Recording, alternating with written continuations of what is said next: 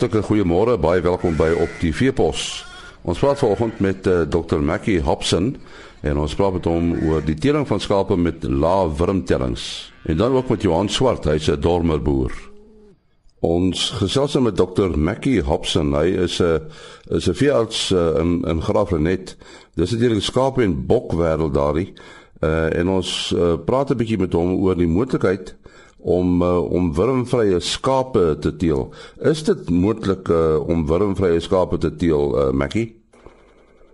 Nee, ja, ja, jy sal nooit wurmvrye skape kry maar jy sal skape kry wat baie lae tellings kry en wat aangepas is um, teen wurms en en hulle sal baie beter uh, natuurlik uh, teen wurms uh, ja, uh, kan teel. Uh, Ja, dit is moontlik om 'n laatstelling te kry, maar nie altyd nie, vry vry te kry nie.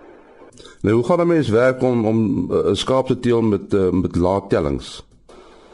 Ja, daar is verskeie en you know, ons in Suid-Afrika is 'n bietjie agter as ons kyk na die Seeland en Australië met hulle tellings, hulle tellingsprogramme is maar lankal sinds die uh, in die laat 90's het hulle daar begin en ons groot vordering daar.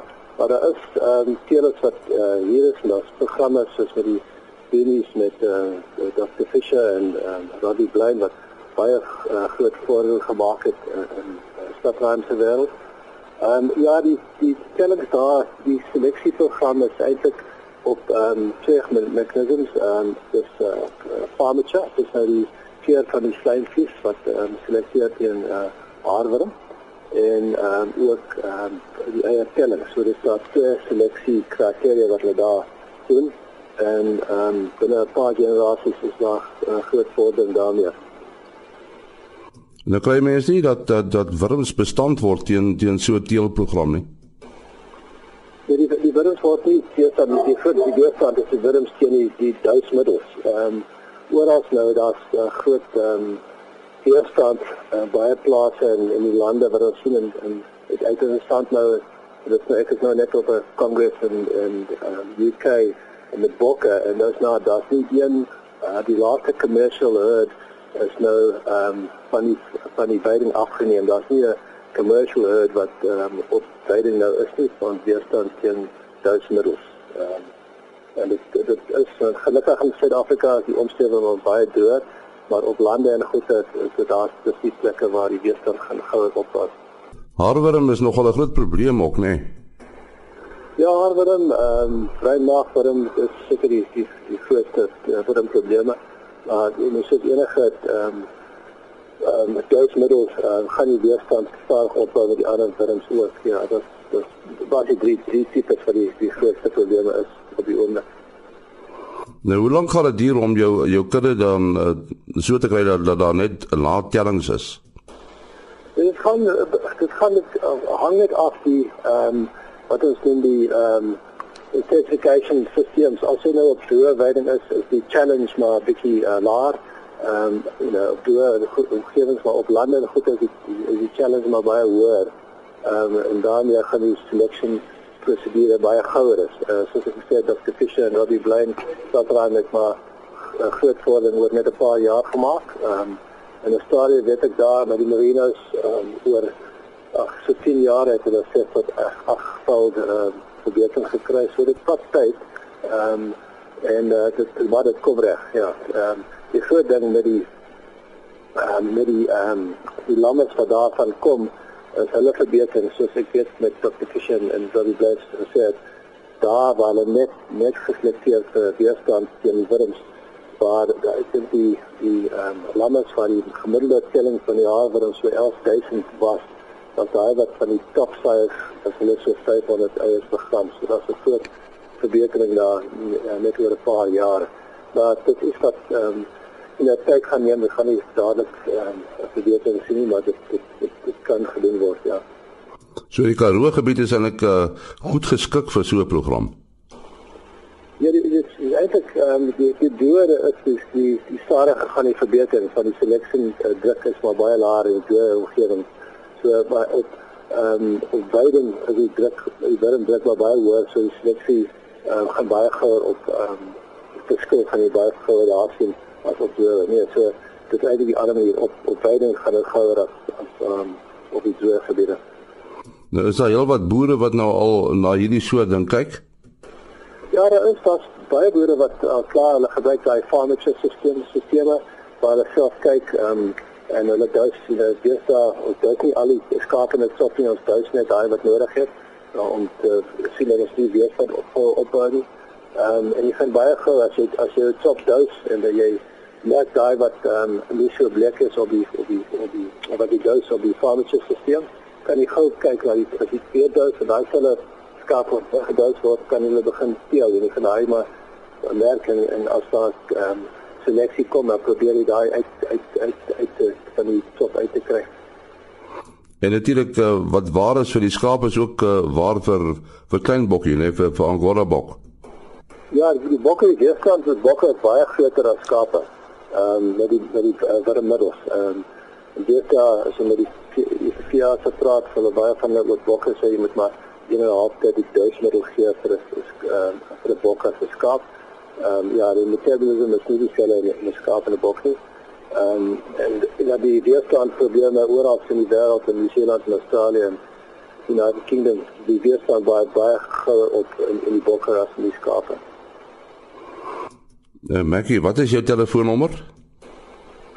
Uh, ja, so die die jammer ek het nie die die ek werk as ehm um, vir die uh, South American Girls Association.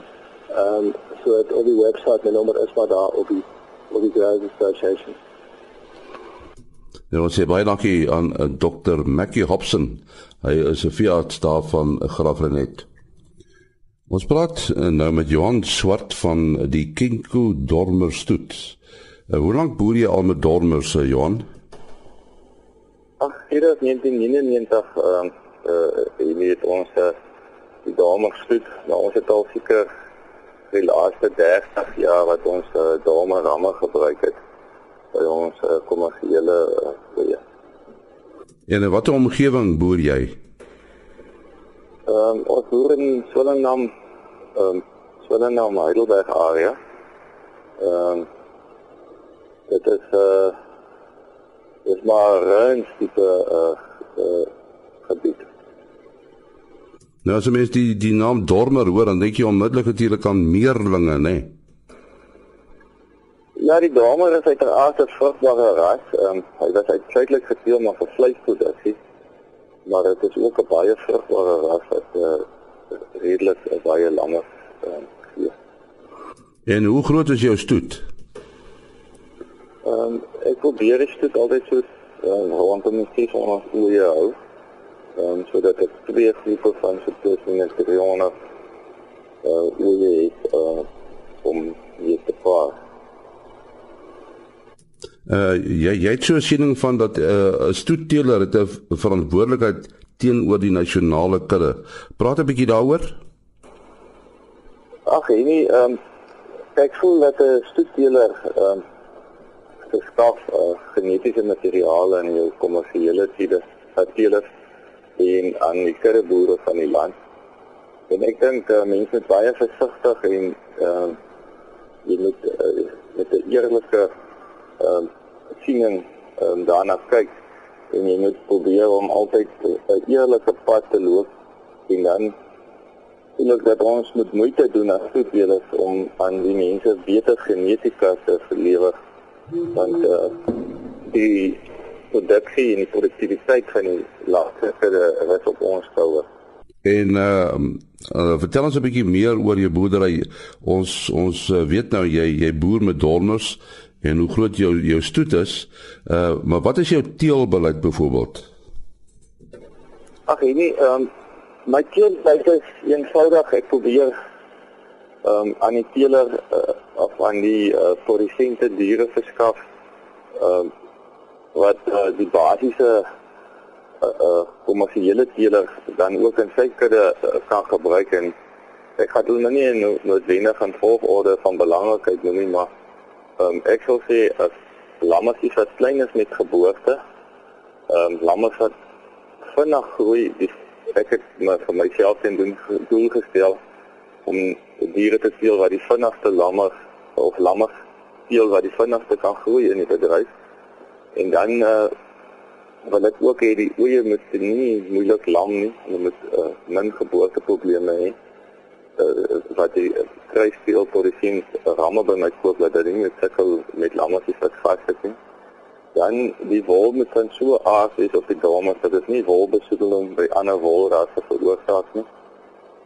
En dan wil ek hê die diere moet baie vrugbaar wees. Ehm um, want vrugbare ramme het die ehm um, kommersiële produsent of die uh, kuddeboer kan dan uh, minder ramme gebruik of hy kan 'n hoër landbousinstasie ehm uh, kry wanneer die diere uh, lekker vrugbaar is. Ehm um, ja, en, dan die ander ding is dan nou maar karkas kwaliteit of vleiseienskappe. Ou kyk maar daarna, jy moet 'n goeie karkas hê. Ehm uh, so ja, dis dit. En en jy jy lê nogal klem op meting, né? Nee. Praat 'n bietjie oor jou uitgangspunt daar. Ehm um, nie op uh, die uh ons gebruik op die oomblik uh uh teelwaardes om ons uh diere uh, te selekteer. Uh wat ek wel doen is ek gaan, gaan kyk elke ehm uh, elke 4 maande uh het ek 'n groep van 300 oeye wat ek gepaar word en dan gebruik ek tussen uh 12 en 14 uh jong ramme waarvan twee wat ek het in die vorige ehm uh, fase gebruik het. En daai ramme word uitgesoek uitsluitlik op hulle teelwaardes vir groei, vir vormbaarheid, bouvorm ehm uh, en dan uh, geboortemassa. En dit is die uh, vyf belangrike uh, eienskappe wat ek geïdentifiseer het en ek moet sê ek het uh, op die oomblik het ek goeie vordering wat dit betref. En en prestasie en bouvorm, hoe hoe balanseer jy dit? Ehm um, en nee, dit is 'n 'n 'n een van die toppies wat die teelers maar mee sit is om jou bouvorm en prestasie in meting te kan balanseer. Um, ek het 'n teelwaarde op die oomblik vir bouvorm en ek lê uh klem op bouvorm maar mens moet altyd besef ehm um, dat daar sekere eienskappe is wat ehm um, positief gekorreleer is met mekaar en sekere eienskappe wat negatief gekorreleer is. Ehm um, en jy het byvoorbeeld kyk na 'n um, melkproduksie by die dames en bouvorm dan kan mens sien dat dit ehm uh, eintlik negatief gekorreleer is en ek het vinnig besef uh dat dit maar dieselfde effek is wat mens by vleisbeeste of by beeste kry. Ehm um, as jy na die melkkant toe by 'n bees gaan, dan gaan jy weer soos 'n melkkoe lyk. En dan kan jy nie vleis eienskappe uh, by hom hê nie. So mense moet mooi kyk ehm um, uh waar wil jy selekteer en hoeveel klem jy op watter eienskappe lê sodat jy uh die regte tipe diere uh, kan hê. Dan is dit byvoorbeeld 'n groei ook dieselfde. As mens uh, diere uh uitsluitlik net aanhou selekteer vir groei, dan kry jy diere wat verskriklik rankerig en groot is. Ehm um, want jy uh, jy selekteer daarvoor. En en as jy na bouvorm kyk, is dit weer anders. Uh, dit is niks dit is uh, bouvorm en groei het, is glad nie gekorreleer met mekaar. So jy gaan dalk uh, diere uh, as jy net vir bouvorm gaan, kan jy dalk diere met uh, baie goeie bouvorm maar wat glad nie groei nie. So dit is maar 'n uh, 'n balans en jy moet maar um, dit in jou kudde die hele tyd voortdurend moet jy daar aanstel en probeer regstel. Dit was uh, Johan Swart wat met Dormers boer. Dis die einde van die program môreoggend om 4 voor 5 is ons weer hier. Tot dan, mooi loop. Ah.